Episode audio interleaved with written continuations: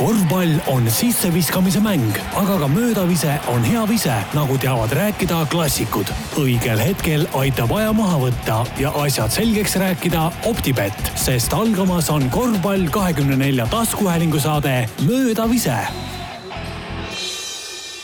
tere ja ilusat neljapäeva, ütleme sedapuhku korvpalliteemalise taskuhäälingu stuudiost, kus saatejuhtidest on lisaks meie suurele juhile ja õpetajale Marko Parkonenile alandlikult istet võtnud ka Karin Aldo ja Siim Semiskar. tere päevast, Marko ja Siim! tere ja mitte ainult õpetaja, vaid ka nüüdsest IT-mees jah, sest et äh, tänase saate eel äh, selgus, et pult ei tööta meil, äh, selline oma käsi, käsitsi tehtud natukene puldikene on meil ja, ja mis siis lõpuks selgus, oli see, et lihtsalt. juhe on vaja ära ühendada. jah, see, mida meie Siimuga kümme minutit aru ei saanud, tuli Marko ja tegi asjad ära, nii et äh, tänu Markole see saade meil sõna otseses mõttes täna eetrisse läheb. Äh, Siim, annan kohe sõna sulle. ja ma ütlen ka siis tere ja ma pean sind kohe parandama sinu sissejuhatust, et sina alandlikult istud, mina alandlikult seisan no sa, jah, selge, äh, see on ka nüüd äh, selgeks tehtud, Marko, alati on sinu käest hea küsida saate alustuseks, mitut mängu viimase nädala jooksul oled vaadanud?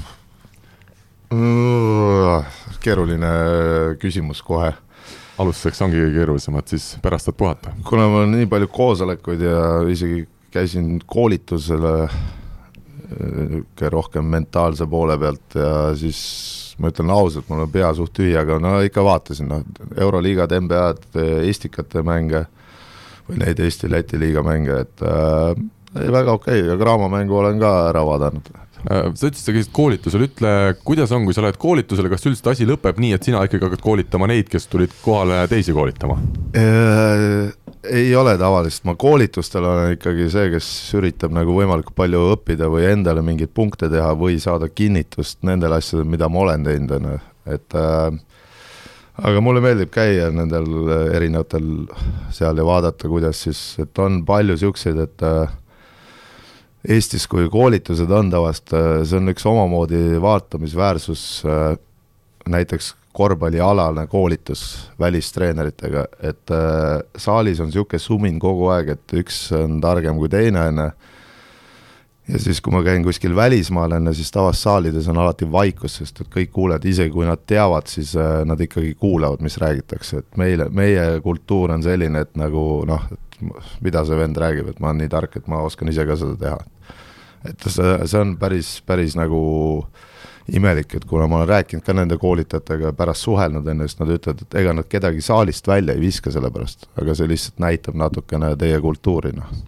no meie saates ka üritame nii, et me vahele väga palju ei sega, et siis saame kõik siin saate lõpuni olla kenasti neljakesi koos. sest et kolmele saatejuhile lisaks on täna võtnud siin Manta Maja stuudios istet ka mees, kes segelnud senise korvpallitee jooksul ringi nii siin kui sealpool Atlandi ookeani, ent mängib tänavu taas Eesti esiklubis BC Kalev Cramos. ja ta teeb seda edukalt, kogudes VTB ühisliigas seni keskmiselt kümme punkti ja kuus lauapalli mängu kohta, mis on siis paremad näitajad, kuna, kui tema eelnevatel hooaegadel samas võistkonnas. tere tulemast stuudiosse, Eesti koondise ääre ääremängija Janar Jõesaar, on ju ääremängija ikka kõige öelda või? tere ka minu poolt, aga jah, ääremängija ma olen ja, ja ma arvan, ma selleks ka jään. tead, ma olen vaadanud tänavu, sa oled pidanud siin kuulsale Marko Kaljuverile isegi mõne intervjuu andma pärast äh, VTB mänge. et kuidagi see meediaga suhtlemine sul hakkab ka vaikselt juba istuma, et, äh, et teed ära küll on, kui on vaja, jah? no mul ei ole nagu valikuvarianti antud sellega, et joostakse juurde ja võetakse käest kinni ja tuuakse kohale, et. üks valik on kusjuures, sa tead seda? Mängi halvasti. just. siis teiega keegi ei kutsu seda ma ei saa endale lubada. see on jah teine asi. jah, et eh, ma proovin hakkama saada.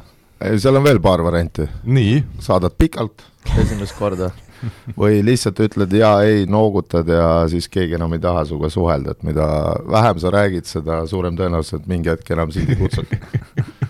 Marko, ma võtan siit juhtlõnga üle ja küsin, millal sina, Janar Jõesaart, esmakordselt äh, mäletad kui inimest, kui korvpallurit? noorteklassis, mul on äh, sellega hea, hea lugu ka. nii? mul olid üheksakümmend kolm aasta poisid, on ju, ja ma tean, et äh, Janari võistkond vahetas Tartus nime, kuna te läksite siis sinna Salva või su isa selle tuua, tuuasse, jah, Salva Tartusse, on ju ja nad olid eelnevalt vist olnud nagu suht äh, Eesti top kolm sats, aga kuna nad vahetasid nime, noh,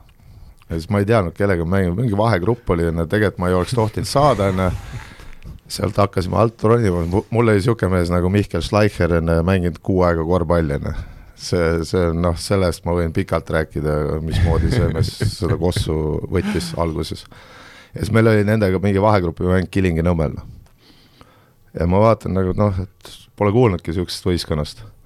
okei okay,, siis mängime, onju, ja sellel hetkel oli Aivo Erkmaa oli neil peatreener.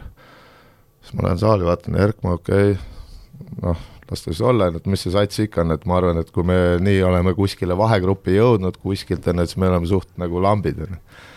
ja siis nad mängisid niimoodi, et äh, Aivo istus, pani jala üle teise, vilistas, andis viledega märku, sealt tulid üks-kolm-üks pressid, äh, maa-alad, erinevad variandid, enne ma sain mingi üheksakümnega. Siis ma vaatasin, ohoh, et mis siis toimub ja siis pärast kuskilt nimede järgi vaatasin välja, et tegelikult siis nad olid Taba kaheksakümmend üheksa olid äkki või? Kui te läksite Tuuasse, et äh, siis nad olid vist Eesti hõbedal äh, U neliteist äkki või U kaksteist enne ja siis meil oli vist äkki U kuusteist mäng ja U neliteist olite kuskil hõbedal või mingi sihuke et ühesõnaga Eesti nagu tippvõistkond, aga ma arvasin, et nagu noh, suht kaerad, siis sain üheksakümnega. Praegu Marko päris hästi rääkis, kuivõrd süstemaatiline teil see värk seal juba Aivo käe all oli, oli siis vastas tõele, et, et te juba nii noores eas päris, päris kõvasti kõike sellist korvpalli moodi asju seal läbi mängisite? Äh, esimesed aastad nii-öelda ei olnud seal tippsatsis nii-öelda, et äh, pigem oligi jah, siis kui Aivo Erkmaa meile tuli, mul isa selle klubi nii-öelda äh, tegi, siis, siis jah, treenerina nagu ta pani kõik nii-öelda noored poisid mängima, et oli ühe karmima käega, kui oli seda e, eelnev treener, et e, kindlasti jah,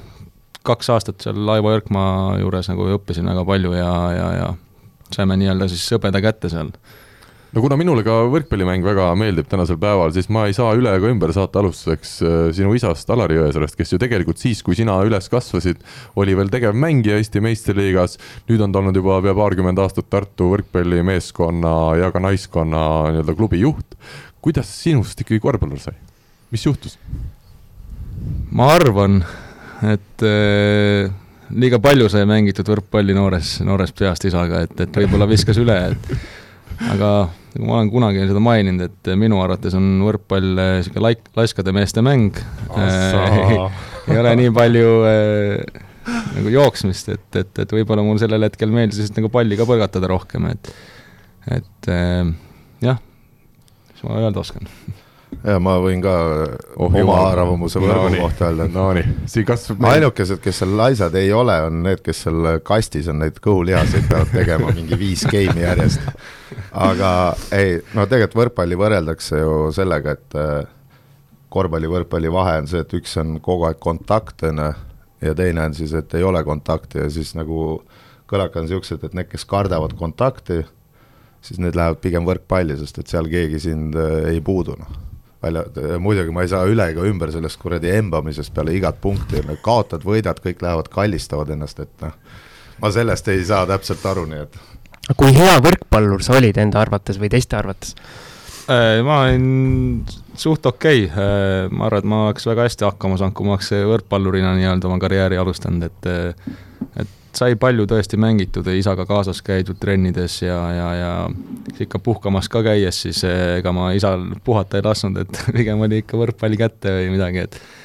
et sai seal kõksitud. aga jah, ma arvan, et ma oleks eh, hakkama saanud küll. mis positsiooni mängija sa oleksid? diagonaal kindlasti. see kuubakas või? eestlakas Wilfredo Leon on nurga all. aga näiteks, ega mulle meeldib vaadata võrkpalli, et äh, mingid tiitlivõistlused ja need on nagu päris põnevad nagu vaadata, aga noh läbi selle telefoni, mis sul on või? ei, ei, ei, mul on ikka nüüd on ikka suur, suurem telef-, telekas ja arvutis, mis on igast viiruseid täis ja ei no nii palju, kui telekas näitab, et tiitlivõistlused, neid ma ikka üritan vaadata ja neid finaale ja poolfinaale ja siuksed, käsipall, võrkpall, kõik nagu on suht okeid. aga Jaanil, palju sina võrkpalli ise jälgid tänasel päeval? isal külas käin, siis kindlasti jälgin, tal muud telekas ei käi, et äh, korvpalli? no korvpalli, ta vist vaatab põhimõtteliselt ainult minu mänge, et, et äh, ei no ma arvan, et ta ikka mingi teisi mänge ka kindlasti vaatab, et äh, et noh, alati isal külas käies pigem on see võrkpall seal ees, et aga kui raskelt või kergelt isa sul selle otsuse nagu lubas teha või vastu võttis, et ma nüüd lähen hoopis korvpallitrenni ja minust saab korvpallur? ja kuidas see juhtus üldse? ma käisin tegelikult noorena nagu mitmes erinevas trennis seal nagu jalgpallis ja, ja muudes alades, et, et eh, lihtsalt mulle korvpall nagu meeldis rohkem ja, ja isa nagu kätt ette ka ei pannud, et eh, et ma arvan, et isa, isa, isa nagu ei saanud seal väga otsustada midagi. Olgugi, et su isa on ikkagi üsna selline kindla käega mees ja, ja sõnu oskab ka ritta seada naljamees, jah. Ja selles suhtes mina oskan küll siin ka kuulajatele öelda, et kuna võrkpalli ikkagi peetakse sõna otseses mõttes hüppamise mänguks, seal ongi väga suur osa sõltub sellest, kui kõrgele sa hüppad ja kui hästi seda ajastada, vaadates, kuidas sina lauda võtad, siis ma tõesti julgen siin ka kuulajatele kinnitada, et ilmselt Janarist nüüd väga halb võrkpallur ei oleks, ei oleks tulnud loodan sama öelda, jah. aga palju sa Alariga, isaga üldse neid võrkpalliasju nii-öelda arutasite läbi kodus, kas kõik tema nii-öelda klubi mured tulid ka koju kaasa või sina sellest väga palju ei tea? ma nii täpselt ei mäleta, aga kindlasti oli nagu õhtuid, kui nii-öelda ta meeskond pähe sai ja et siis ta oli vähe, vähe vihasem, aga, aga aga ma nii täpselt jah ei mäleta, et midagi nüüd oleks nii teisiti olnud, et, et selge. Tartu Bigbanki äh, on ikkagi lemmikmeeskond, Tartu Bigbank praegusel hetkel sul? mul äh,, jah ei saanud muud öelda ja ütleme, kuigi suvel tuli Gert Toobal Tartu meeskonda, siis isa helistas sulle kohe, ütles, et näed, et äh, meil läheb hästi see aasta või? no eks ta oli väga õnnelik jah, seal, et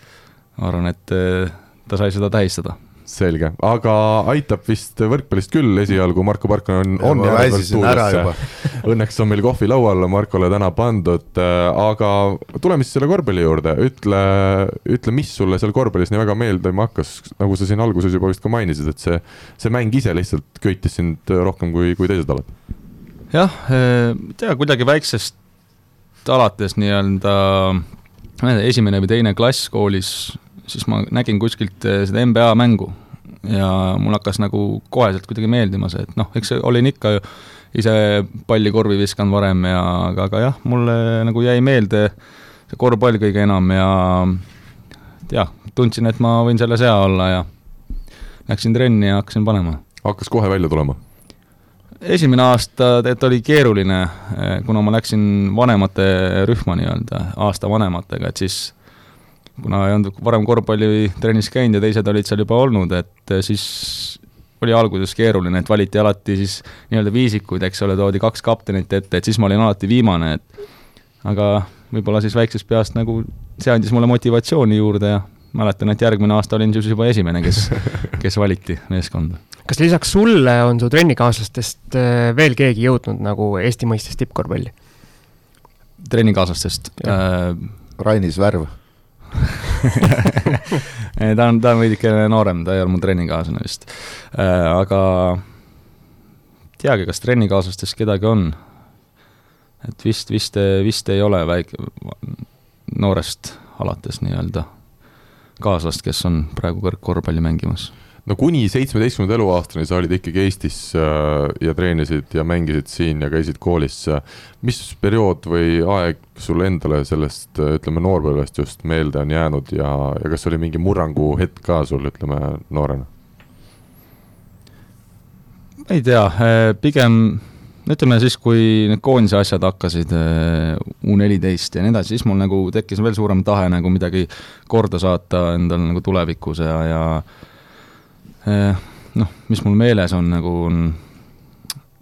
eh, noorest peast, kui ma Aivo Erkmaale läksin, siis tean, et eelnevalt me ei olnud kunagi saanud mingit medalit, siis saime neljanda koha vist kõige kõrgema, eh, siis Erkmaal me esimene aasta kohe ei kaotanud ühtegi mängu peale finaalimängu, kus ma viskasin viimastel sekunditel võiduviske mööda. ja nagu see, see ajas mind endast välja ja nagu siis ma tahtsin, tahtsin järgmine aasta tagasi tulla ja siis nagu võidu ära võita, aga noh, see vist ei tulnud välja päris, et et jäime kolmandaks vist järgmine aasta, et meil seal paljud mängijad kadusid ära, et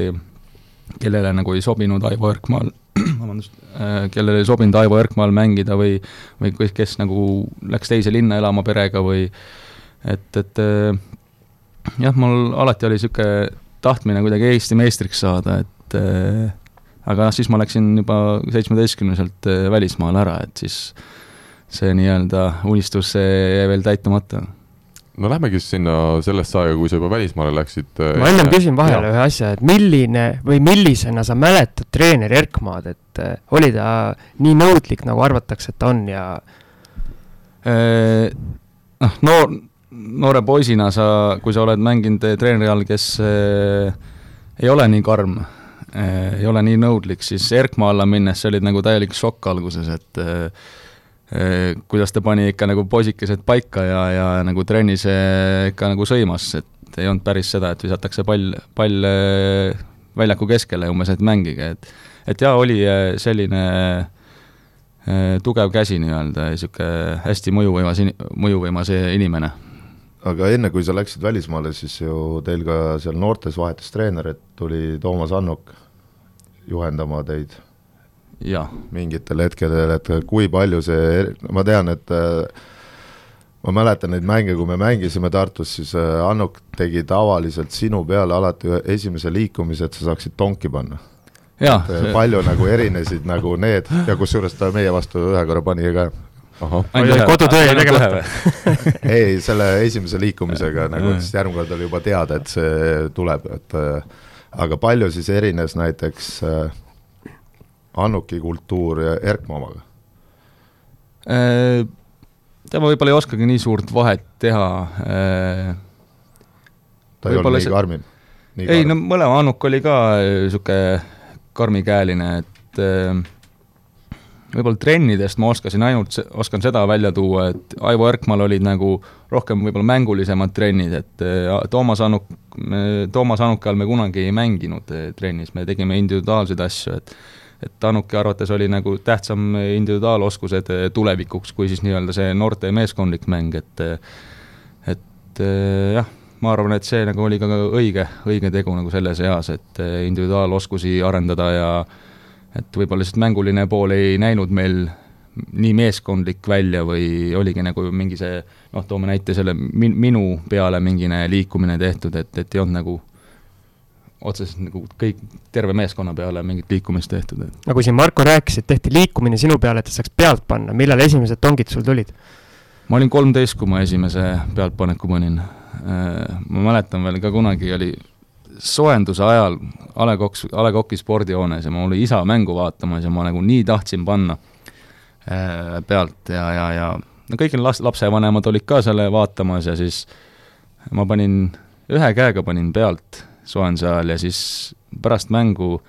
isa ütles, et, et ta olevat äh, läinud teiste lapsevanemate juurde, et noh, nägite, poiss pani pealt või midagi niisugust, et et jah, mäletan, kolmteist olin siis, kui, kui see juhtus, jah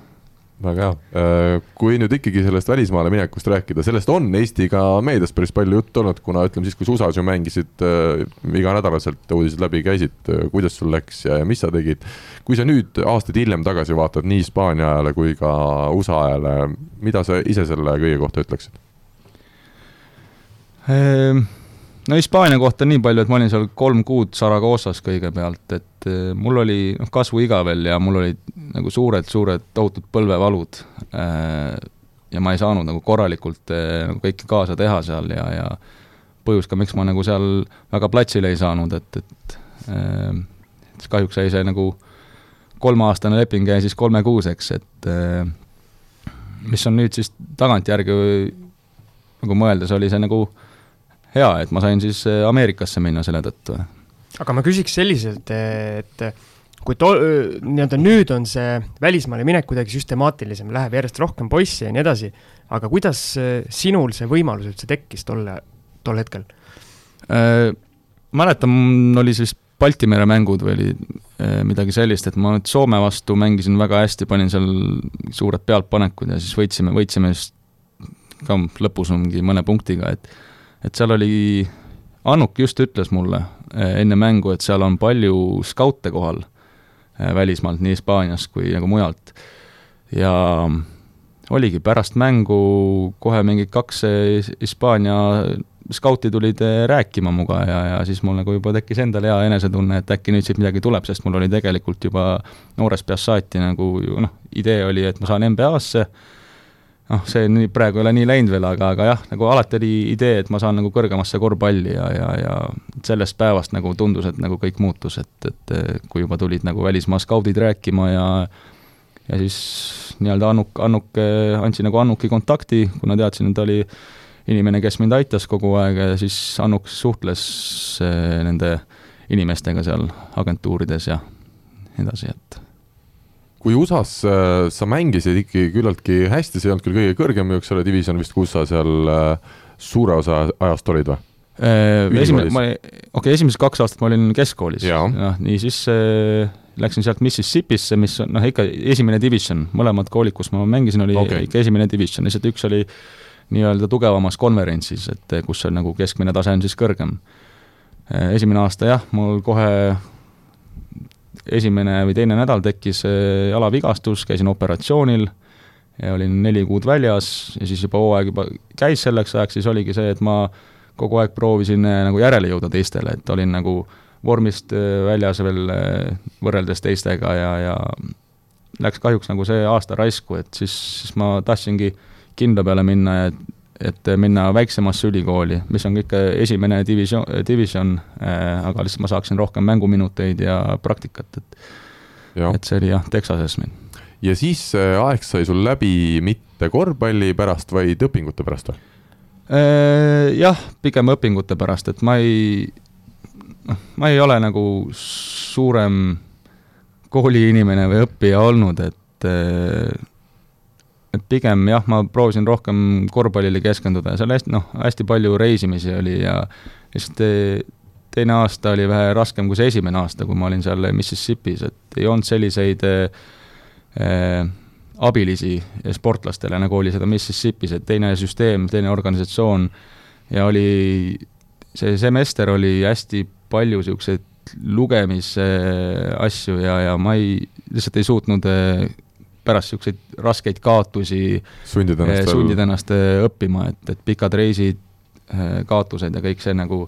mängis mu peaga ja, ja siis, siis ma kahjuks ei jõudnud keskenduda õpi-, õpingutele enam, jah. Sa mainisid selle lugemise ära, just tuli siin mingi tabel välja hariduses, et Eesti pidi olema number üks riik mingite testide järgi lugemises, kirjutamises ja nii edasi, et et kuidas see niimoodi siis me, raskusi valmistab see lugemine, noh? ei, ta ei valmistanud otseselt raskusi, lugeda ma oskan, aga äh, lihtsalt jah, ühe semestri jooksul tuli nagu hästi palju niisuguseid äh, äh, ebameeldivaid klasse nii-öelda, et noh, toome näite Ameerika ajalugu, maailma ajalugu ja kõik nii palju lugemist ja palju meeldejätmist, et et see oli palju aeganõudev ja pärast neid pikki reise ja niisuguseid äh, Eh, frustreerivaid eh, mänge ei suutnud ennast panna nagu õppima, et sinna ka läks, ei saa noh, ma ei olnud eh, ju alati nii-öelda koolilinnas, et saaks koolis käia tundides ja kuulata või midagi kirja panna, vaid olime kuskil reisil, siis jälle jäi kaks-kolm päeva koolist vahele, et et siis ma jah, jäingi nagu veidikene maha sellest palju on räägitud sellest USA ja Euroopa korvpalli erinevusest, et mida sina sellest mäletad nii keskkooli tasemelt kui ülikooli tasemelt, et kui erinev see korvpall äh, oli sellega võrreldes, mis Euroopas mängitakse? no Euroopas vaata, räägitakse, pannakse kaitsele rohkem rõhku ja, aga, aga ma arvan, et ülikoolis ja keskkoolis oli ikka see, noh, keskkoolis oli veel see, et noh, noored mängijad, eks ole, võib-olla tahavadki seal oma punkte taga ajada ja nii edasi, et kes tahab nagu siis saada kolledžisse äh, noh, stipendium, eks ole, et äh, aga ülikoolis juba oli tegelikult ikkagi kaitsele ka kõvasti rõhku pandud, et ma arvan, et enamustes koolides seal, et äh, et ülikooli kossu ma nagu ei tahaks nii eristada Euroopa korvpallist, aga, aga noh, NBA on nagu teine lugu. Äh, siis, kui USA aeg läbi sai, sa otsustasid, eks ole, Eestisse tagasi? Suveks mõtlesin Eestisse tulla jah, et oleks natukene kodus puhkust, aga, aga otseselt nagu Eestisse jääda ei soovinud. sellega lihtsalt oli see jama, et eh, minu agentuurist, minu agent läks siis Mark Asolli eraagendiks, nagu mina seda, seda ise ei teadnud ja agentuur ei olnud teadlik, et ma koolist ära tulin ja ma nagu suvi läbi ootasin, et äkki agentuur siis leiab midagi mulle. Nemad ei tegelenudki sinuga? nemad ei tegelenudki minuga, et kuigi ma noh, mina tean, et ma nagu andsin teada, et ma, et ma tulen koolist ära ja nüüd võiks nagu hakata siis profi, profikorvpallikarjääri mm -hmm. alustama, et kahjuks jah, nii ei läinud, siis jäigi nii hilja peale see asi, et et ma käisin küll veel siin noh, Leedus korra kätt proovimas, aga mul nagu endale seal ei meeldinud. Leedus kuskil kõrgliigaklubis juba või? jaa, oli vist Neptunas, et äh, mulle seal nagu jah, ei meeldinud see asi ja, ja eks ma olin ise natukene eh, võib-olla tahtsin midagi rohkemat, et ma nagu ei tahtnud koheselt seda vastu võtta, et eh, aga ei tulnud nii hästi välja ja siis läksin Raplasse augustikuus, hakkasin seal trenni tegema Annuki ja Kuusmaal ja, ja siis mul tekkis päevapealt eh, Rootsist tuli pakkumine, see Jämtland, kus nüüd siis Jaan Raadik ja Puidet on mm. -hmm et eh, tehti, tegime põhimõtteliselt nagu lepingu ära, aga siis ma ütlesin, et mul on see arstlik komisjon, Kaitseväe arstlik komisjon siin nädala või kahe pärast, et, et ma pean selle ära, seal ära käima. ja selle taha ka nagu see Rootsi minek jäi, sest neil oli siis järelikult kiire ja mõtlesid ümber lõpuks, et tahavad siis eh, näiteks ühe-kahe kombot, et ei taha kolme peale kedagi. et kahjuks see arstlik komisjoni, see arstliku komisjoni asi nagu pani sellele kriipsu peale et siis eh, jah, mul mingil moel nagu põletasin lihtsalt sillad ära selle Raplaga, kuna ma ise päevapealt ära tulin äh,, aga, aga noh, siis Andres Sõber tõi mind Rakverre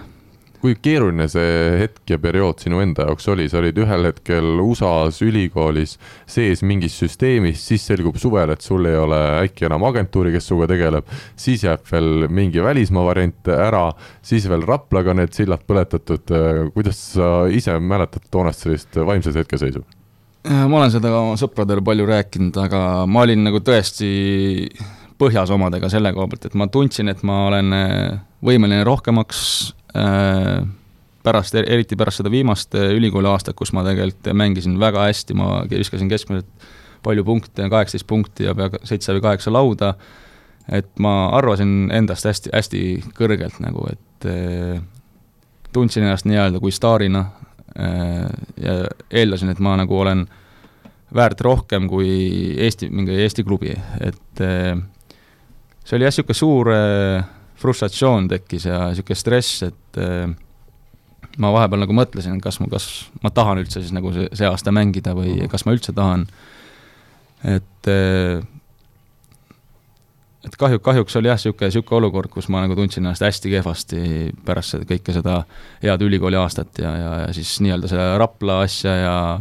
ja Rootsi asja, nii et aga sellisel hetkel, kas oli keegi, kes sind nii-öelda aitas sellest raskest hetkest välja ka, et äh, Eestis vist sellist head äh, nii-öelda süsteemi ei ole, mis nii-öelda tippsportlasi või tulevasi tippsportlasi just nagu selle vaimse poole pealt aitaks? Äh, noh, kuna no ma arvan, et mul alati nagu pere olnud see, kes nagu suudab mind kuidagi ümber rääkida, veenda, et et kuidas ma ütlen pigem oligi see, et, et isa, isa või ema nagu alati rääkis minuga äh, nagu positiivsetest asjadest ja, ja kahjuks oli mul nagu Toomas Annuk selleks ajaks nagu oli kadunud, kuna ma noh, Raplast tulin ära seal, eks ta oli ka siis endast väljas ja ja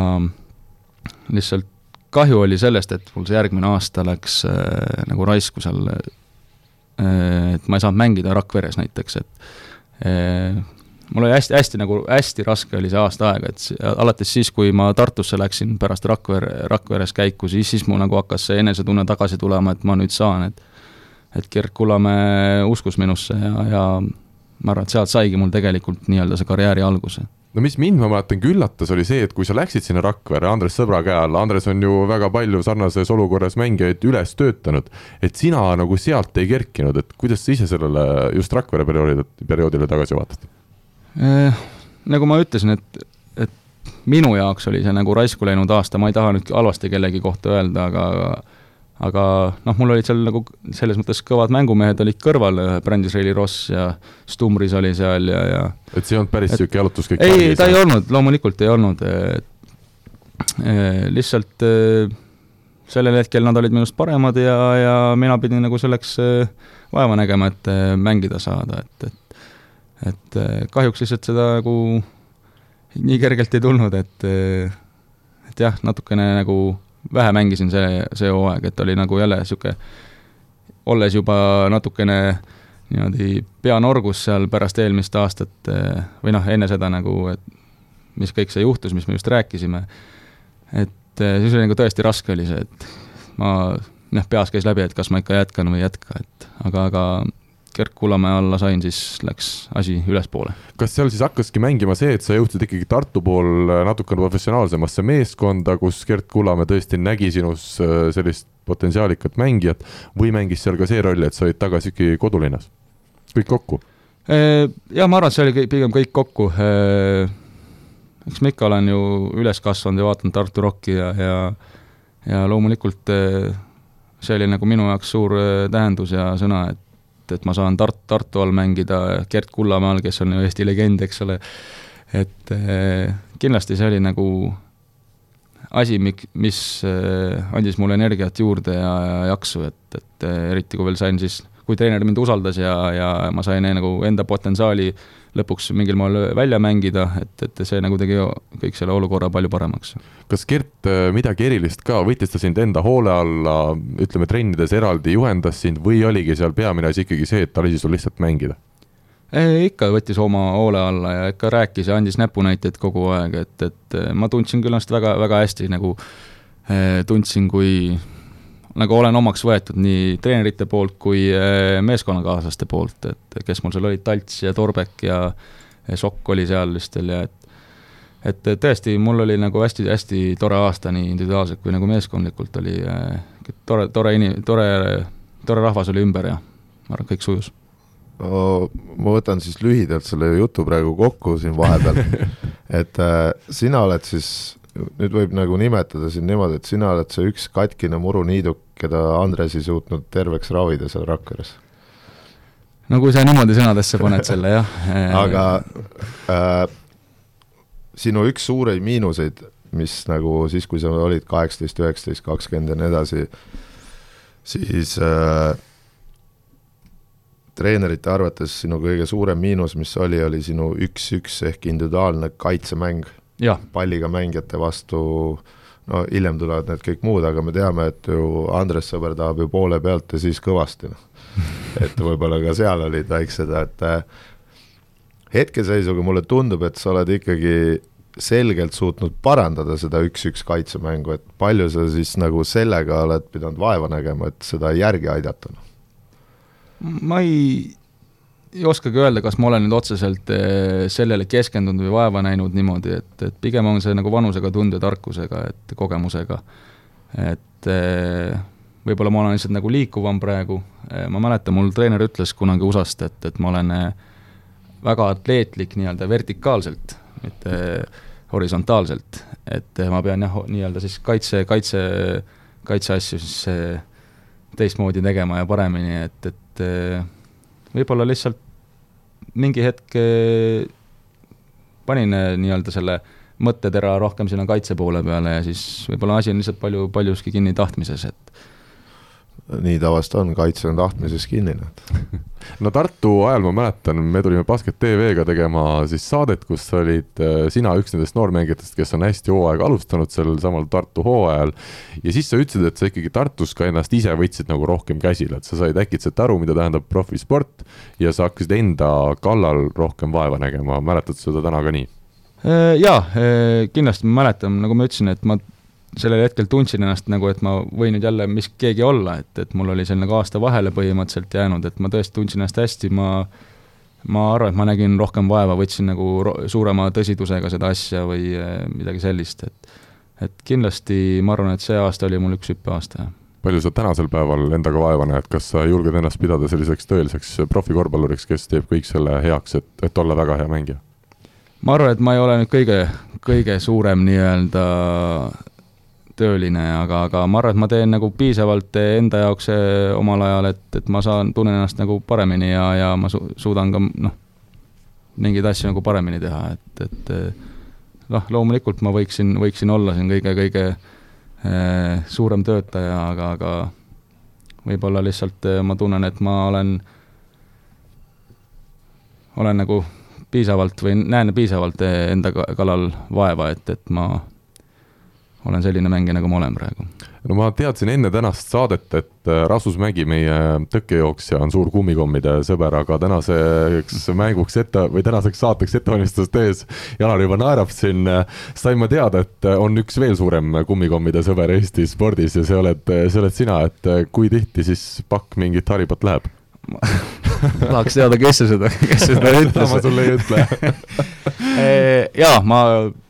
kasvasin üles põhimõtteliselt vist kummikommide peal, jah. sealt see hea füüsis tuleb. räägi, isa, isa, isa kunagi mängis võrkpalli seal Soomes ja, ja käis seal Soome vahel, vahelt Eestisse ja kogu aeg oli kilo kummi, kummikommi kaasas, et nii mu õele kui mulle, aga noh, õde väga sealt midagi ei saanud et jaa, ma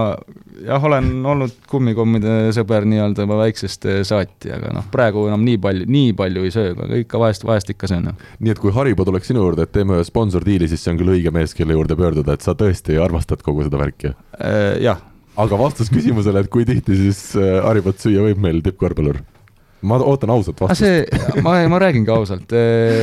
ma ei oska vastata sellele pigem on, kuidas, kuidas endal tuju ja tunne on, et eh, võib-olla kuskil reisi peal ikka snäkipaki kaasa võta, et et eh, noh, võib-olla siis korra nädalas. ja ütleme, sa ju tegelikult teed trenni ka nii kõvasti, et ilmselt eh, nüüd väga, väga hullu sellest ei ole, kui sa paki nädalas kuskilt võtad? ma arvan, et ei ole jah, ma isegi ei tunne, et miski, miskit muutuks, et, et maitse asi. väga õige ja maitse asja juurest me läheme saate teise osa juurde küsimusmängu toetaja on teamshield.com oma disainiga spordi ja vaba aja riided. Küsimusmäng ja Siim, oled siin saates just paljuski ju selleks, et need ilusad rubriigid läbi viia, ole hea, anna meile teada, mida me eelmisel nädalal küsisime. no muidugi, kui sina hakkama ei saa, siis ma pean üle võtma asjad, et eh, eelmine saade oli meil siis külas Alar Varrak ja me tahtsime teada, milline või kui suur on Varraku võiduprotsent VTB ühisliigas. õigeid vastuseid tuli, see oli leitav äh, VTB liiga kodulehe ajaloo sektsioonis. ja Janari, ma küsiks sinu käest, kas sina oskaksid vastata, palju Varraku võiduprotsent võiks olla läbi aja VTB ühisliigas? mitu aastat ta kokku? kuus hooaega ja sada kakskümmend mängu on mehel kirjas. me räägime siis peatreeneri rollist? peatreenerina, jah ja nii, mõtlen, mis, mis meil see, meil see oli, kas oli esimene aasta me saime vist ühe võidu temaga alguses, siis ta vist läks ära, ehm, võiduprotsent äkki kakskümmend viis protsenti. ossa raks! siin võib äkki auhinna siin äh, stuudios välja anda, kakskümmend viis koma kaheksa on õige vastus. Äh, kuus hooaega, nagu sai öeldud, kolmkümmend üks võitu ja kaheksakümmend üheksa kaotust meil tuli üheksa õiget vastust, jah, Marko? kas sa saad need äh, seisud ka ette lugeda? seise ma ette ei loe, need vaatad ise pärast oma sellest väikselt telefoni ekraanilt üle. võid ka mängud järgi vaadata, nagu sulle meeldib teha, aga meil on üheksa õiget vastust, palume Janar siis, Janarilt äh, üks number ühest üheksani. kaheksa. number kaheksa all on Kaspar Tahvenau, kes võidab Team Shieldi erilahendusega korvpalli kakskümmend neli särgi. ja nüüd on aeg uus küsimus küsida. selle saate küsimus siis Janari Jõesaare kohta ja jätkame VTB ühisliiga lainel ja soovime teada, milline on või kui suur on Janari Jõesaare punktide ja lauapallide rekord VTB ühisliigas väga hea. ma pean vastama parem oleks, kui ei vastaks praegu. aga need, kes saavad vastata, vastavad eh, kas meiliaadressil info, et korvpalli kakskümmend neli punkt ee või korvpall kakskümmend neli Facebooki sõnumites. kuule, kas te olete märganud, kuivõrd Kalev Cramo ja VTV Ühisliiga keskne meil see saade, ma kujutan ette, mingid Rapla ja Valga vennad, need loobivad jälle toole, vaatavad, et meil on jälle Kalev Cramo mees siin stuudios, me räägime jälle VTV Ühisliigast aga Marko, sa kindlasti tahad siin midagi öelda? ei ole hullu, et äh, kui nad oma toolid ära viskavad, siis nad võivad siia saatesse tulla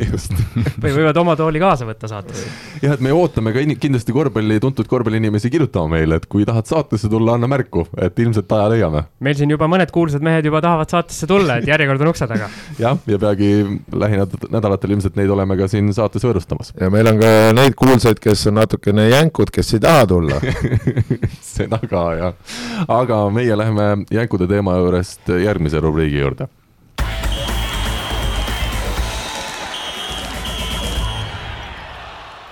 äkkküsimuste voor ja Janari, me oleme siin mõned küsimused sulle valmis pannud, et natukene hoida sind heas vormis ka sõnaliselt siin saate teisele poolele vastu minnes. oled sa valmis? jah. Ivo Linna või Keter Jaani Keter Jaani. võrkpall või jalgpall? Võrkpall. õige, autoralli või laskesuusatamine? autoralli. värviline sügis või tärkav kevad? tärkav kevad VTB ühisliiga või Hispaania kõrgliiga? Hispaania kõrgliiga. korvpalli kohtunik või kassapidaja kohtunik Aivar Kuusmaa või Andres Sõber? Äh, Kuusmaa. Kristaps Borsingis või Lauri Markkanen? Borsingis. Ja lõpetuseks Luka Dontšitš või Kobe Bryant? Kobe Bryant väga hea, seda viimast küsimust me kõik teadsime, aga said hakkama üsna, üsna hästi, aga meie läheme siit järgmise teema juurde.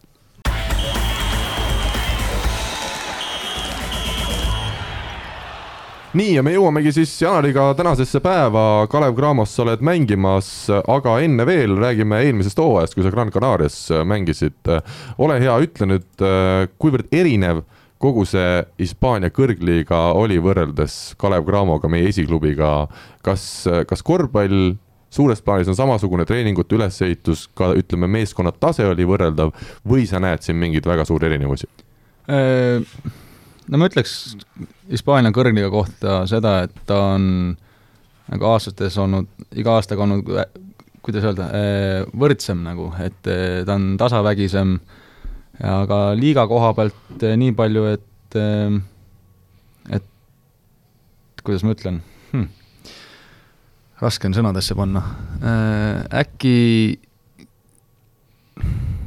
ma ei tea. see on nagu, kui ühte kena neiut näed, siis ei oska ka sõnadesse panna, eks ole, kohe. hakkan üle mõtlema siin, et, et Hispaania kõrgliiga tundub nagu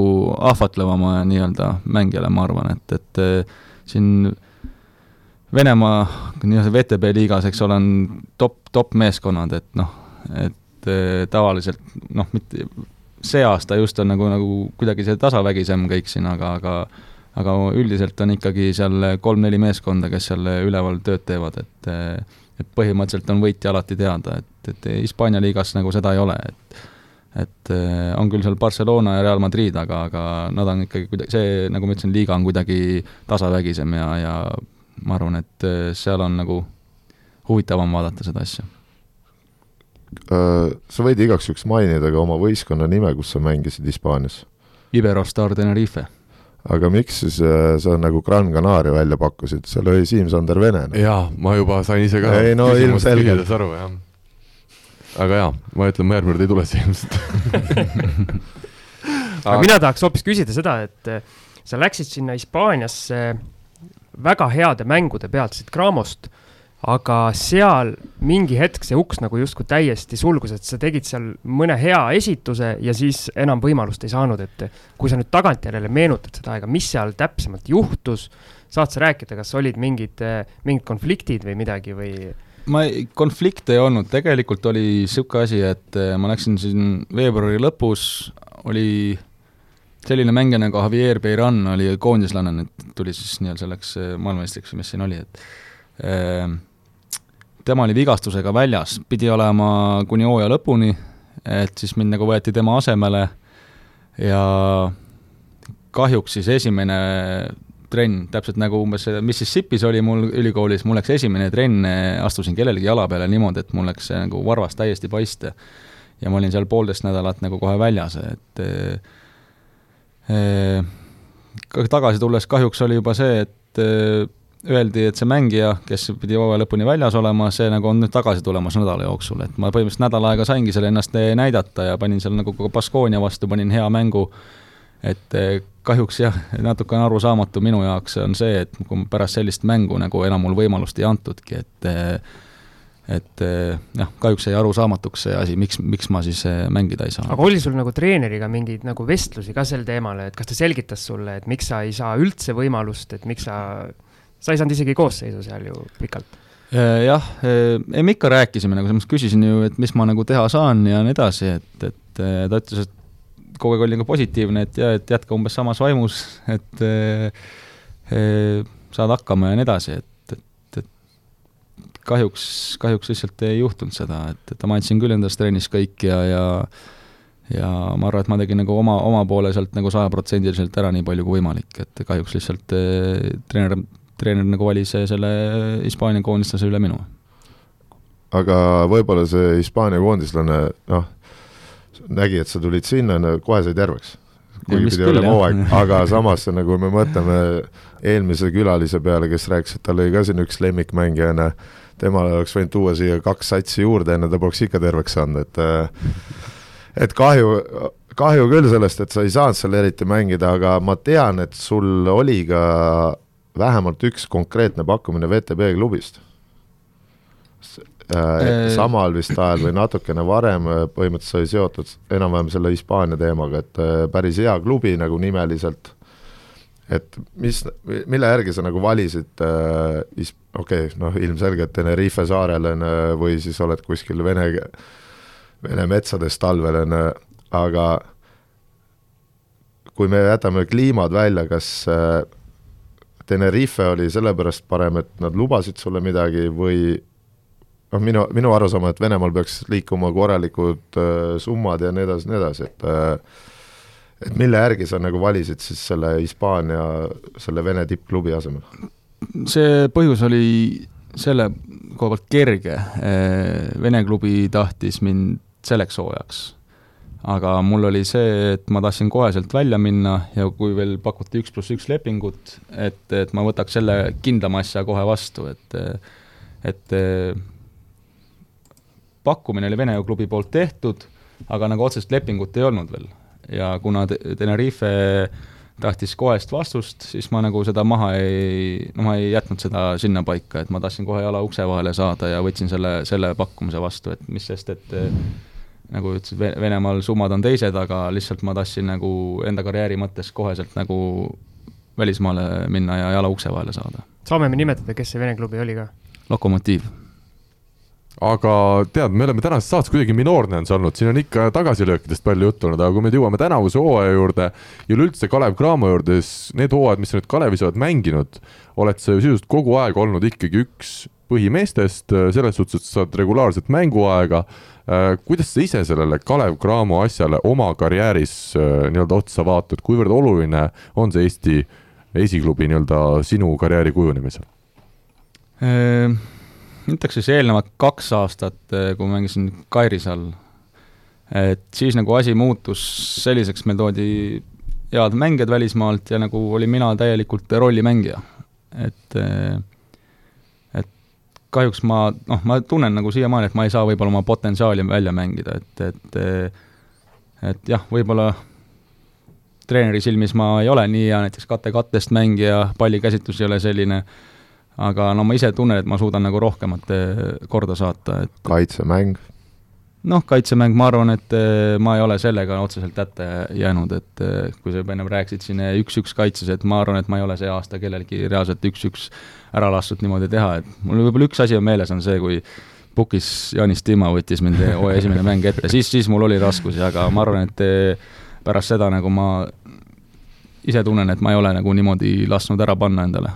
mm, -hmm. et, et eh, aga tänavu siis on, eh, tunned ennast ikkagi hoopis paremini? Tead, hooaja algus oli siin ka niisugune rabe, et kuna ma käisin suvel, käisin op-, jalaoperatsioonil, seesama, mis ma nii-öelda vigastada sain siin Tenerifel, sama varbaasi, et ma käisin sellega operatsioonil suvel, suve, suvi läbi ma väga midagi teha ei saanud jalaga kaks kuud, et, et et siin enne hooaja noh, meeskonna kokkusaamist ma siis tegin individuaalselt äh, siin oma füsioga, Harvis, Harvis Milliga, et et natukene liiga kiirelt läksin nagu sellele Eh, koormusele peale, et mul hakkasid põlved eh, hästi kõvasti valutama, mul ei ole põlvejamasid olnud neli-viis aastat, aga nüüd siis eh, järsku olid, et et oli tõesti raske ja rabe hooaja algus ja treener oli ka seda nagu noh, nägi, et ma ei ole võimeline veel niimoodi paugutama, nagu ma võib-olla praegu seda teen, et, et jah, ma arvan, et sellepärast ka oli nagu ebastabiil, stabiilne see minu nagu minutite mängimine ja, ja, ja minu roll nii-öelda, et äkki noh, nüüd tundub, et ta läheb paremuse poole asi. see, et sa nüüd Craamosse tagasi tulid, see ilmselt tähendab, et nii-öelda Craamoga sul mingi sildade põletamist ei olnud, kui sa poole hooaja pealt ära läksid, et see, see kulges kõik nagu rahulikult? see kulges rahulikult jah, et ma isegi tänan siitpoolt Kalev Cramot, et nad mind ära lasid, kuna lepingu järgi nad ei pidanud laskma aga, aga ma arvan, et meil on nagu piisavalt eh, head ja soojad suhted, et, et me siin üksteist nagu kinni ei hoia ja, ja ja ikka aitame üksteist, et, et see on nagu väga suur, väga suur eh, positiivne asi. no see hooaeg on äh, nii, nagu sa ise mainisid, et su mäng läheb aina paremaks, paremaks, mida on nagu reaalselt näha ka, Cramo on suht äh, ikkagi hästi mänginud, võib-olla natukene üle oma ootuste, mis hooaja alguses pandi, sest ma mäletan, räägiti mingist võib-olla ühest võidust ja mingi, no kõik spetsialistid hakkasid seal arutama. et äh, kas on hetkel mõni klubi juba tundnud huvi sinu või mõne teise mängija vastu? töö alati käib, ma arvan, siin äh, nii-öelda ja see äh, noh, agendi poolt, et, et alati otsib ja aga otsest mingit pakkumist ei ole tulnud veel kahjuks, aga loodan, et tuleb niipea ja, ja ma arvan, et ma pean lihtsalt samamoodi edasi mängima, nagu ma olen seda teinud siin viimastel aegadel, et et, et ma arvan, et siis ma ei pea väga kaua enam nagu Eesti, Eestis olema, et, et idee on ikkagi alati välja minna. Kui oluline on see Eesti tippkorvpallurite jaoks, meil siin kodukamaral on üks selline tippklubi, mis tõesti mängib tippsarja, et kui sul nagu sul Hispaanias see hooaeg võib öelda, et nagu ebaõnnestus või läinud nii, nagu soovisid, et sa saad tagasi tulla ikka nii-öelda tipptasemele, mitte ei pea alustama ainult näiteks Eesti-Läti liigast uuesti nagu ülespürgimist. miks ma küsin seda, on see, et siin kavandatakse seda siin nii-öelda uut seadusemuudatust, mis siin Graamo, Graamo bossid juba ütlesid, et nende jaoks sisuliselt tähendab see seda, et tuleb klubi uksed sulgeda, et mis muutuks sinu jaoks, kui selline tipptasemel klubi nagu ära kaoks? räägime siis sellest stipendiumide teemast, eks ole. just mis muutuks, on kindlasti see, et eh, Eesti siis nii-öelda eh, väljund puuduks või? jah, väljund nagu oleks palju keerulisem, et ma isegi nagu ei oska praegu otseselt mõelda või et mis siis nagu saama hakkaks või et kindlasti noh, Eesti nii-öelda koondislastel näiteks või noh, niisugustel kõvematel korvpalluritel on raske häid mäi-, mänge leida, kui siin peaks siis VTB liiga ära jääma ja noh, muu klubi nagu ei võimalda seda praegu teha, et et, et oleks see kindlasti keerulisem Eesti korvpallile ja ma arvan, et ka siis huvi kaoks nii-öelda inimestel ära korvpalli kohta. aga kui palju teil nii-öelda klubi sees näiteks mängijad omavahel räägivad sellistest teemadest? Äh, ja nii väga ei ole nagu seda esile toodud, et, et praegu ei ole reaalselt miskit kindel, et, et ei ole praegu hakata, ei ole praegu hak-, mõtet hakata üle mõtlema asjadest, et, et praegu on olukord selline ja siis lihtsalt käitume vastavalt. ja no mina ütlen, et siis on nagu kõik selle pulliga, et äh, põhimõtteliselt võib selle osakonna kinni panna või üldse, ma saan siiamaani, hetkel tundub küll, et nagu Eesti riik reaalselt teeb kõik selle jaoks, et Eesti, Eesti inimesed sporti ei teeks, noh tippsporti siis? tippsport, ei no üldse sporti, kuule, kui kekatunnis sa ei tohi enam hingeldada ka, sa ma ei saagi aru, kui sa lähed koolis, on matatund on teisel korrusel, seal on seitse astet treppi, sa põhimõtteliselt ei tohi sealt üles minna, sest et sa äkki väsid ära, noh. et äh, kõik riigid, vähemalt mulle tundub, teevad sporti tipptasemel ja tutvustavad sellega oma riiki. näiteks on ju, võtad ükskõik, on ju Sloveeniat, Serbiat, Leedut, on ju, kõikidel on mingi oma nišš, mida jälgitakse kujuta ette, ma põhimõtteliselt ei tea Etioopiast midagi, on ju, aga tänu sellele, et seal kõik jooksevad paljajalu kooli kakskümmend kilomeetrit ja tagasi, on ju, ja tulevad siia, taovad, löövad väljaku puhtaks, on ju, tänu sellele ma tean, mis on Etioopia, on ju, võib-olla tekib huvi nagu seda riiki vaadata, mis seal toimub, võib-olla reisile minna ja nii edasi, nii edasi, noh kuigi mul ei ole plekki, aga noh. Et äh, lihtsalt minu ja kui ma loen neid igasuguseid süsteeme ja asju, et äh, nüüd me oleme lugemises on top üks maailmas, on Soome on teisel kohal, aga Soomes sa pead käima kümme tundi vähem koolis ja iga päev ja nii edasi, on, et minu meelest on see täiesti ajuvaba, et kogu aeg tahetakse nagu sporti nülgida, noh. et äh, kui meil on üks tippvõistkond, see võiks jääda, okei okay,, tehku seal oma erinevad reeglid, aga eestlastele hea küll, makske seal oma makse aga no USA vend tuleb siia, mingeid sotsmakse, kõiki makse, mõttetu ja kuna needsamad maksud võetakse veel sponsoritelt ka, noh. ma annan kümme tonni, ma maksan kõigepealt riigile mingit suuremat maksu, on ju, siis sa võtad sellest rahast, mis järgi jääb, siis sa maksad veel, on ju, põhimõtteliselt sellest kümnest tonnist mingi seitsekümmend prossa makstakse kuhugi makse, noh. et äh,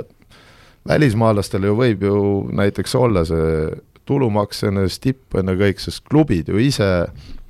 vigastatud mängijaid ravivad klubid ise oma rahadest, mitte Eesti riik ei tule nüüd appi, et oh, kõik jooksevad sulle klubi ukse taha, et kuule, et tal on operatsiooni vaja, maksame kinni ja nii edasi, et sama on võrkpallis, jalgpallis on igal pool tegelikult riigis võiks olla üks tippsats, noh. et äh, mis aitabki meid näidata maailmas tipptasemel, noh. Ja noh, teades, et Eesti ei ole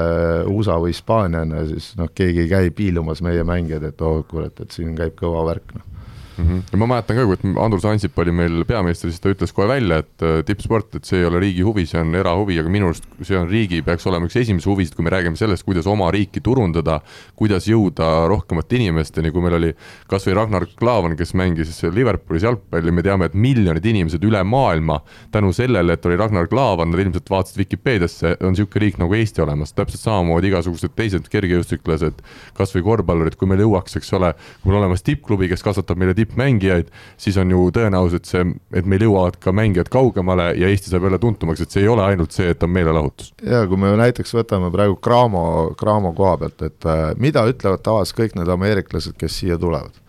et nad kellegi teise käest kuulsid, on ju, kes ennem mängis, on taseme kohta on üks asi, aga nad alati räägivad, et Eesti, et äh, Tallinn pidi olema noh, külm, on ju, see elavad üle, tõmbavad luku kinni, on ju, või panevad akna kinni, on ju, et noh, aga nad räägivad, et Tallinn on väga ilus linn ja nii edasi tänu sellele, et nad on selle eelneva käest kuulnud, on ju, teiseks, kui jälgitakse sporti või seda mängu, on ju, siis tavaliselt tehakse ka linnale mingisugune reklaam. aga no kui me ütleme niimoodi, et noh, hakkame nüüd ainult kõnnime ringi, et ükski inimene ei tohi enam ühtegi jooksusammu teha, muidu on kuradi kõik noh, siis meil ei olegi siin midagi teha, saame, võimegi ainult neid pontsikuid süüa ja kuradi mängida arvutiga selle Ansipi lause juurde tagasi tulles, üks asi on see, et riik ei peagi võib-olla tippsporti toetama, aga tuleb luua võimalused, et. mitte, et võimalused ära võtta, me just, isegi praegu räägime. praegu tundub niimoodi, et tahetakse ära võtta ka võimalused, et see nii-öelda tippsport saaks üldse nii-öelda elus püsida, et eh, need ma, on nagu jaa. väga erinevad asjad. ütleme, ja ma ei ole mingi kindlasti Venemaa riigi nüüd suur austaja, aga ma mäletan eh, seda, kuidas Sergei Bareiko mängis Tomski Tommi meeskonnas kunagi jalgpalli ja see meeskond oli nii-öelda krahhi äärel, kas minnakse kokku või ei minda ja Vladimir Putin minu arust isiklikult läks sinna klubi ja selle kuberneriga jutule laua taha, Pareiko oli ka seal laua taga ja leiti need võimalused, et see oli selle piirkonna jaoks väga tähtis meeskond, kõige tähtsam spordiklubi ja leiti võimalused, et ühendatakse jõud, leiti sealt paar mingit kohalikku veel toetajat ja, ja see jäi, see klubi jäi alles ja see töötas edasi, et, et sellised äh, nii-öelda eriolukorrad tuleb ikkagi ka riiklikult aidata, ma mõtlen, Kalev Cramo on meil hetkel ainus tipptasemel mingisugune pallimänguvõistkond ja kui me selle nagu ka ära kaotaksime, see oleks ju täislollus. ei no Venemaa Venemaaks, aga siin arenenud riikides riikides on ju süsteemid, kus äh, toetatakse seda, et eraalgatus toetab nii-öelda tippsporti, et seal tehaksegi maksuerisusi, tehakse soodustusi ja tänu sellele siis riik ei pea toetama, kui on tehtud nii-öelda nagu erafirmadel see spordi toetamine nagu lihtsamaks ja nagu kasulikumaks nende jaoks.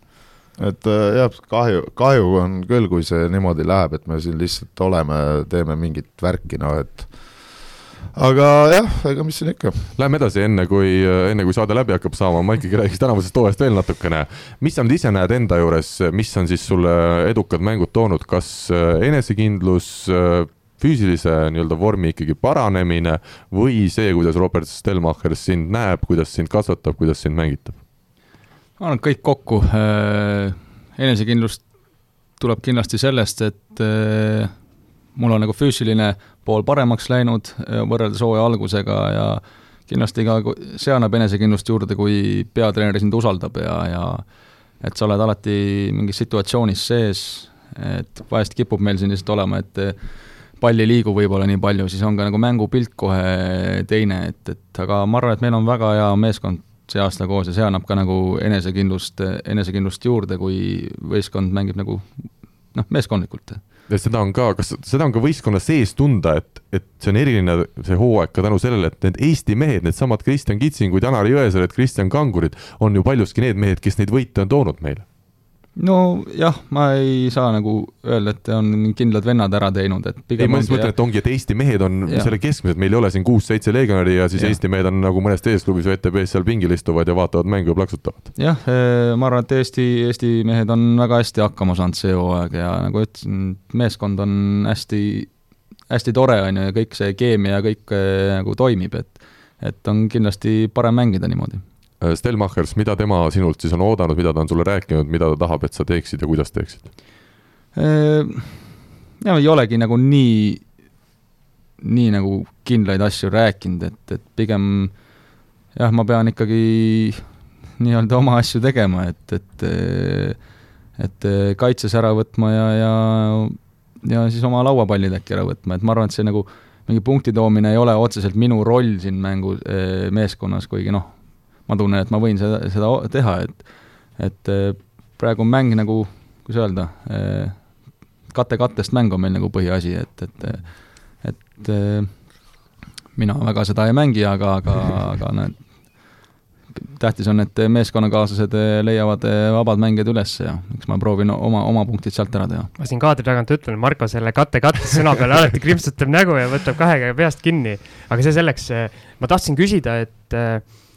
teatavasti ei ole saladus, et Graamol sel hooajal see pikkade osakond on olnud eh, kas puudulik või siis on eh, noh, ütleme nii, et välismaalt ei ole toodud sellise nii-öelda kaliibriga meest, kes oleks siin eh, suutnud suuri minuteid mängida ja suuri tegusid teha, et kui palju Stelmacherst käsib sul nagu neid auke lappida ja kui palju sinu see mäng erineb võib-olla sellest, mida sa tahaks mängida, just tänu sellele, et sa pead seal nii-öelda pikkade tööd mingil määral ära tegema no tegelikult ei pea otseselt mina pikkade tööd tegema, noh, minu, minu töö on ju teada, et ma pean lauapalle võtma, et, et ma arvan, et mul on selleks eh, piisavalt hea nina ja ma arvan, et eh, noh, tähtis on see, et sa võitled iga palli, palli eest, et ma arvan, et ma teen seda nagu täie isuga, et eh, et noh, eks siis ma arvan, et lihtsalt ma ei pea nagu otseselt sinu küsimusele nagu pikkade meeste tööd tegema, et, et see ei ole nagu kohustus, et, et ma teen oma tööd pigem. ja see on, ma igaks juhuks soovitan ka mängijatel vaadata ja jälgida sinu tegemisi, sest et mulle on see kogu aeg meeldinud, siin, kuna see annab sulle, võib-olla see võrkpalli taust sul, mis sul on, see annabki sulle mingisuguse eelise, kuna sa hüppad kiiresti üles. et sa ei pea mõtlema kaks sekket, et, kui kõrgele ma hüppan, vaid siis lihtsalt lähed üles, palju su wingspan on no palju käte sisu ulatus eesti keeles? kaks meetrit, kaks meetrit, kaks meetrit vist on. No natukene ma ei ole õlgadest nii lai, aga, aga niimoodi kõrgele sirutades olen paljudest teistest nagu kõrgemal ja et äh, noh, et see nina, mis antakse või ründelauda minev, näiteks sina, Jaan Puidet on teine, kes mulle meeldib, eriti ründelaudade poole pealt, on see on äh, kindlasti on see veits looduse poolt, aga seda on võimalik treenida samamoodi, noh, kiirust ja nii edasi, aga see, et sa sinna lähed, see on juba omadus omaette, noh. ja seda nagu tahab, peakski nagu jälgima sinu mängu puhul eriti, kuidas sa sinna lähed. ehk reageer-... sinna siis tähendab lauavõitlusesse? lauavõitlusse reageerimine, millal sa lähed, kuidas sa lähed, kuhu sa lähed, mis positsioonide peale sa lähed, ja seda peaksid mängijad jälgima, vähemalt nooremad mängijad, ja üritama sealt siis lõpuks mingit snitti võtta, sest et sa ju, kui sa võtad neli ründelauda, siis sa põhimõtteliselt varastad endale neli punni ka sealt no,. kuna sa saad jah, panna sealt, no võtame näiteks ja. pooleks, on ju, et sa saad panna sealt kohe ju neli viset hea õnne korral, et noh, paned kõik ära, on kaheksa sanga juba sellest, et sa neli korda läksid.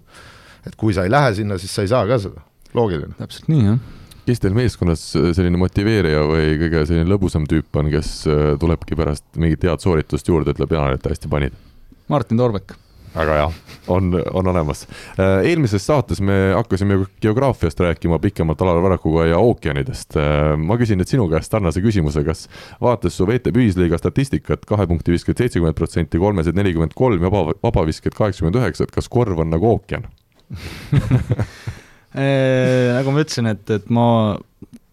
proovin nii-öelda õigeid viskeid teha, et eh, loodan, et kaasmängija leiab mu üles vabal positsioonil, eks mul tulebki ainult sealt sisse panna, et, et et jah, ma arvan, ma proovin mitte mingisuguseid eh, kohmakaid viskeid võtta, et protsenti ära rikkuda. Teisel Graamos on äh, väga kõva snaiper, on Kristjan Kitsing, et kas mm -hmm. temalt kuidagi nagu midagi külge ka hakkab, selles mõttes, et oled tal hästi ligidal ja siis hea vise nagu hakkab külge kuidagi. töövari. ei tea, oskab, oskab hästi jalgu ette visata, tal on niisugune vis visketehnika ja saab oma vead kätte, isegi terve meeskond siin juba loeb, palju tal hooajal keskmine on, et uus statistiline näitaja. mõni ei viska nii palju kolmeseki peale, kui talle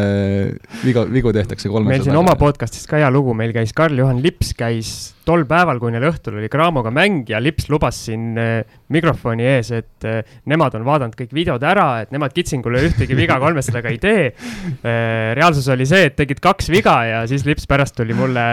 ma olin ise saalis ja siis tuli mulle vabandama, et näed, et jaa, et ikka tegime. ei ole midagi teha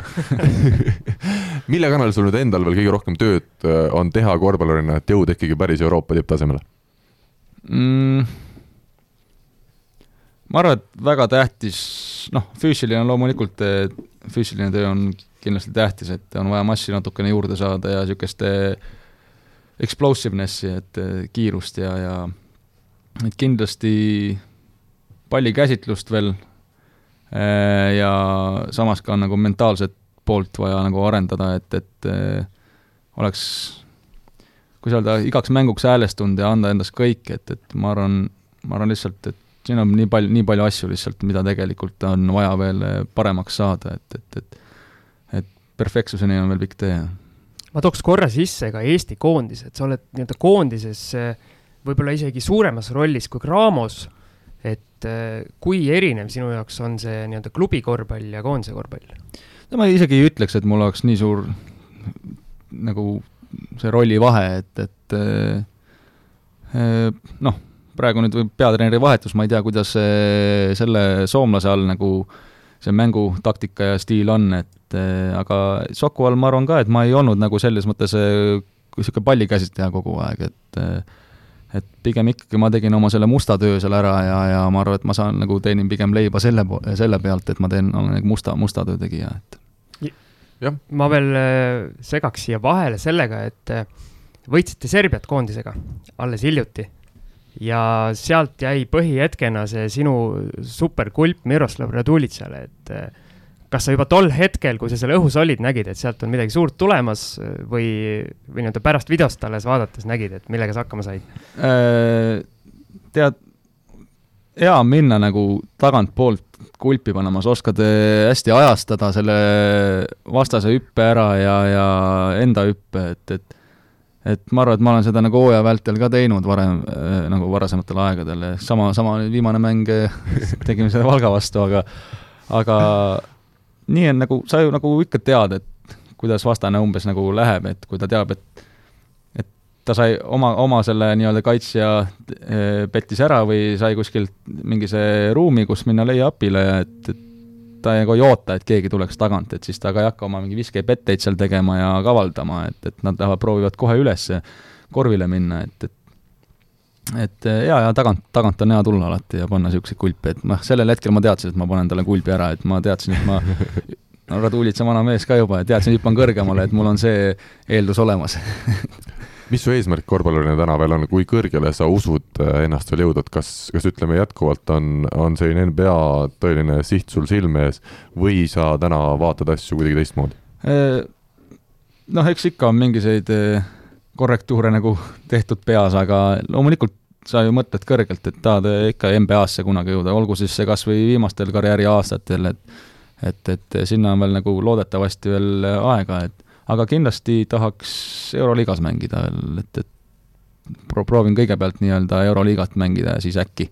seal läheb hästi, siis saan ka NBA-s korra kätt proovida. siis ütlesid, sa ootad, ütleme siin agendi poolt ka, et kas tuleb midagi ja, ja, ja huviga ikkagi läheksid välismaale, aga see tähendab seda, et sul ikkagi Kalevis on ka tänavu selline mingisugune kokkulepe olemas, et kui võimalus tekib, siis saad minna, jah? klaus on, klaus on sees see on, see on selline kahe otsaga asi alati korvpallisõbrana, et ühtpidi tahaks et äh, Kalevis Janari mängiks ja, ja punkte tooks, teisalt äh, kellel meil on selle vastupidi, kui keski, keegi kuskile tugevasse klubisse läheb. Marko, ütle sina veel oma selline jaa, no mitte ainult nagu klubisse läheb, et noh, sa võid seal klubis olla, aga kui sa jälle mängida ei saa, siis ei ole ka eriti rõõmus äh, nagu fännidele ja nii edasi, et äh, ikkagi loodame, et kui sa välja saad, siis sa saad ikkagi niisuguse klubi, kus sa saad ka mängida. no tuleb natukene rohkem eh, uuri-, uurimi-, uurimistööd teha, enne kui kuskile lähen, et et kindlasti eelmine kord jäi nagu treeneriga rääkimata, enne kui ma läksin, et äkki seekord on eh, natukene aega rohkem ja saab eh, natuke treeneri poolt ka tutvustust nii-öelda, et. Aga saate viimases osas, ma saan aru, Siim, me oleme natukene detsembris tegutsemas teistmoodi kui, kui muidu ja nädala tegijat me ei vali, küll aga me valime aasta korvpallureid ja, ja treenereid, räägi, mis meid siin täna ees on ootamas jah, nädala tegija rubriik, rääkisime sellest ka eelmine saade, läheb nii-öelda detsembris lühikesele puhkusele ja otsustasime hoopis Facebookis korvpalligrupis valida kogu kalendriaastat hõlmavalt siis eh, parima eestlast, eestlasest korvpallitreeneri, naismängija ja meesmängija. palju Parkonen hääli sai, kas ta oli seal valikus olemas? mul on kohe see kõik siin kirjas, tahan ka Marko käest küsida kommentaari sellele parim eestlastest, eestlasest korvpallitreener lõppeval kalendriaastal oli meie korvpalligrupi arvates Heiko Rannula ehk siis Pärnu Sadama peatreener Heiko Rannula sai sada viisteist häält. Marko Parkoneni leiame üks, kaks, kolm, neli, viis, kuus, seitsmendalt kohalt. Marko, kuidas kommenteerid? mitu häält? kaksteist häält. kaksteist sõpra on Markol Se. seitsmes koht ei ole üldse paha variant, et äh, saatejuhina nagu treenerite listis olla seitsmes pole paha noh. ma võin, ma võin ette lugeda, kes Markost siis on paremad treenerid olnud lä läinud aastal. Martin Müürsepp sai kolmekümne seitsme häälega, sai teise koha, siis tasub tähele panna sada viisteist häält versus kolmkümmend seitse, et Rannula võit oli väga ilmselge. siis Chris Killing ehk siis TalTechi abitreener ja vist ka noortetreener, on mul õigus sai kolmanda koha kahekümne seitsme häälega, seal muidugi oli abiks kogu see TalTechi seltskond eesotsas Rait Käbini, Raido Ringmetsa, Siim Raudla ja Toomas Raadikuga. et sealt juba tuli suur posu hääli. siis noortetreener Maia Torbek sai neljanda koha kahekümne kolme häälega. Aivar Kuusmaa, kes hetkel äh, vist juhendab erinevaid äh, madalamate liigade tiime, sai kakskümmend kaks häält ja Priit Vene sai, sai kaks häält rohkem kui Marko, ehk siis neliteist häält aga räägime Rannulast paari sõna.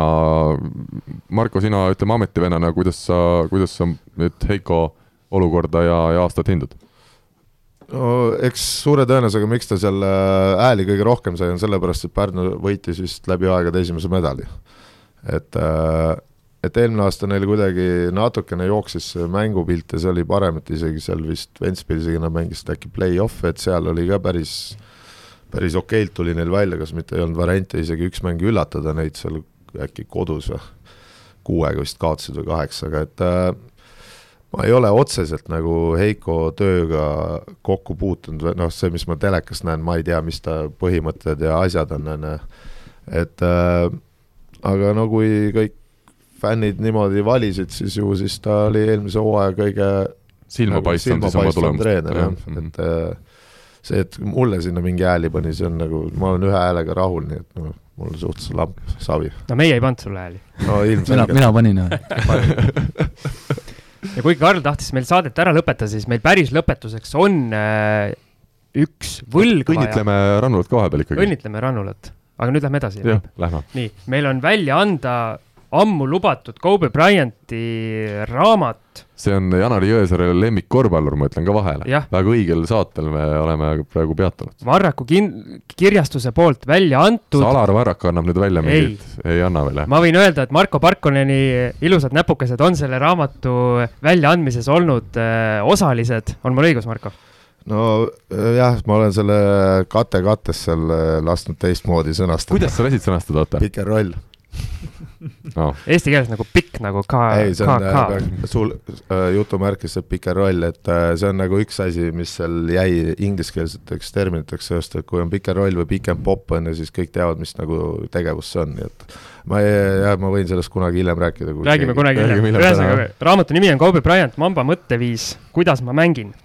ja meie anname selle välja selliselt, et järgmiseks saateks palume kuulajatel saata küsimusi Marko Parkonenile, millele siis esiteks me valime parimad küsimused välja, laseme Markol vastata, ta saab rahulikult rääkida kõik oma asjad südamelt ära ja ühiselt valime ka parima küsimuse, mille esitaja saab siis selle raamatu. Marko, tahad ka midagi lisada? ja, ja siis äh, on veel ka sihuke pakkumine tulnud, et jõulud on tulemas, kõikidel on vaja kingitusi teha, et äh, siis kirjastus Varrak teeb niisuguse äh, kampaania, mis keht-, kestab kaheksateistkümnenda detsembrini, kaksteist kuni kaheksateist detsember, et tellides, tellides raamat sealt, äh, siis see pannakse teile ka postkasti, et jõuludeks saate kätte, on hinnaks üheksateist eurot ilma postikuluta, poes on see kakskümmend üheksa eurot, ja kõikide jagajate vahel, kes seda jagavad, äh, korvpall punkt kakskümmend neli lehele tuleb juba läks valesti, aga Lähme edasi, lähme edasi, jaa. loositakse või saadetakse siis Mamba mõtteviis ja Pühad rõngad raamat äh, posti teel koju ütle, ütlen veel nii palju, et kogu see raske tekst, millega Marko hästi hakkama ei saanud, et see tuleb korvpall kakskümmend neli portaali ja Facebooki lehele lühidalt äh, kokku võetud. see, see kõik, see kõik, see kõik on, see kõik on seotud, seal on ka, tuleb kood mööda viisendit, ainult selle koodiga saab üheksateist eurot. selge. muidu on nii et äh, ühesõnaga jälgige meie kanaleid ja saate kogu info jaa korrektselt kätte. et Janari sai lugemise äh, selg-, lugemise selgeks, aga, aga Markol läheb veel natukene asi ei ole lugemis, asi on selles, et äh, arusaamises. selgitada kogu Eesti rahvale täpselt ära, mis toimub, nii et noh, see võtab, see on omajagu kunst. aga need poolteist miljonit Eesti kodanikku, kes tänast saadet kindlasti jälle kuulasid, äh, on tund ja pealegi möödunud. Janari, me täname sind saatesse tulemast, täname sind ausalt rääkimast ja mis kõige tähtsam, me täname sind hästi mängimast. loodame, et see hooaeg jätkub sama hästi, ükskõik kas siis siis pikalt veel hooaja lõpuni Kalev Cramos või jõuad kuskile veel välismaale. igatahes on tore olnud sind jälgida. Markot ja Siimu nii tore jälgida ei ole, aga just nendega järgmisel nädalal me taas seda saadet teeme. aitäh kõigile kuulajatele, aitäh saates viibinutele ja ilusat nädala jätku. Kuulmiseni. Kuulmiseni. aitäh